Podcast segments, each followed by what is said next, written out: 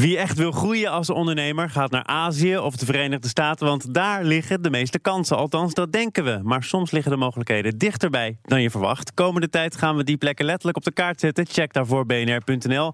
En dat doen we samen met Frans Nedersticht van RVO, de Rijksdienst voor Ondernemend Nederland. In opdracht van het ministerie van Buitenlandse Zaken struinen ze daar het buitenland af voor ondernemers. Goedemorgen, Frans.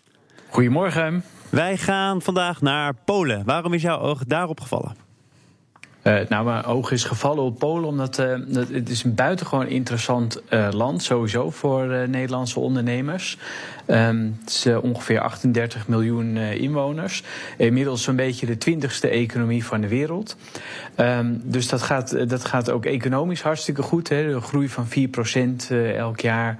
de hele amb ambitieuze regering ook. Hè. De, de nieuwe minister-president was hier vorig jaar in, in Nederland. Ook om de, de de Poolse bedrijven en, en ook Poolse hogeschoolde medewerkers onder de aandacht te brengen.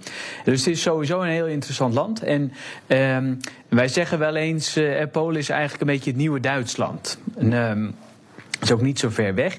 En, um, en dus met name voor de, en daar gaan we het vandaag over hebben, over de bloemenexport naar oh, Polen. Maar de, de bloemen, daar is toch niet iets specifiek uh, Pools aan? De hele wereld zit toch te wachten op Nederlandse bloemen? Ja, precies. Maar wat je in, uh, wat je in de export naar Polen ziet, is dat de, uh, de hoeveelheid uh, nogal gestegen is in de afgelopen jaren. We, we spreken in 2014 ging het nog om 152 miljoen euro. en dat gaat elk jaar, komt daar tussen de 10, 15 procent bij. En het afgelopen jaar zelfs volgens cijfers van de Vereniging Groothandelaren Bloemkwekerijproducten 22 procent dit jaar. En moeten wij daarvoor bedanken die uh, Poolse paus, paus Johannes Paulus II? Want die zei het altijd al, hè? bedankt voor die bloemen. Ja, ja, ja, ja, we kennen natuurlijk hè, de grootste fan van Nederlandse bloemen was natuurlijk Johannes Paulus II. Ja.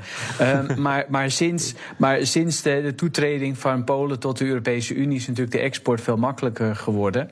Um, en het, het, het, is ook niet zo ver. Dus Polen is inmiddels een beetje het zesde exportland voor Nederlandse bloemen. En um, dat, is, dat is interessant. Maar wat ook interessant is voor Nederlandse ondernemers, is dat er gewoon nog heel veel potentie in zit. En dus uh, Polen heeft 38 miljoen inwoners inwoners. Duitsland heeft er geloof ik zo'n beetje twee keer zoveel. Alleen de export van eh, bloemen naar Duitsland is nog ergens rond de 1,6 miljard. Mm. Ja, dus er zit, dat is een veelvoud van wat Nederlanders nog naar Polen exporteren. Ja, dus het, er zit enorm veel uh, potentie in. Het groeit ook nog steeds. En ook de belangstelling voor bloemen, dat zien we ook in Polen, uh, groeit enorm.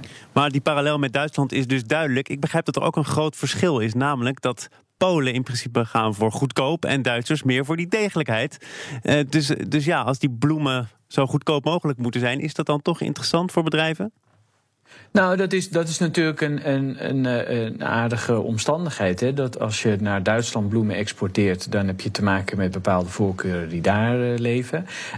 In Polen is prijs is echt enorm belangrijk. Dat zie je in allerlei andere sectoren ook terugkomen. Uh, dat geldt ook voor bloemen. Dus als jij een exporteur bent die met name op dat, uh, op die uh, driver zeg maar zit, ja. dan, dan is dat voor jou een interessante markt om, om naartoe te gaan. Ja. Wie zitten daar al nu namens Nederland? Nou, er zitten wat, er zitten wat bekende, bekende bedrijven die daar al heel erg actief zijn. Nederlanders, hè, de Heemskerk, Flowers, Royal Lemkes, Waterdrinker.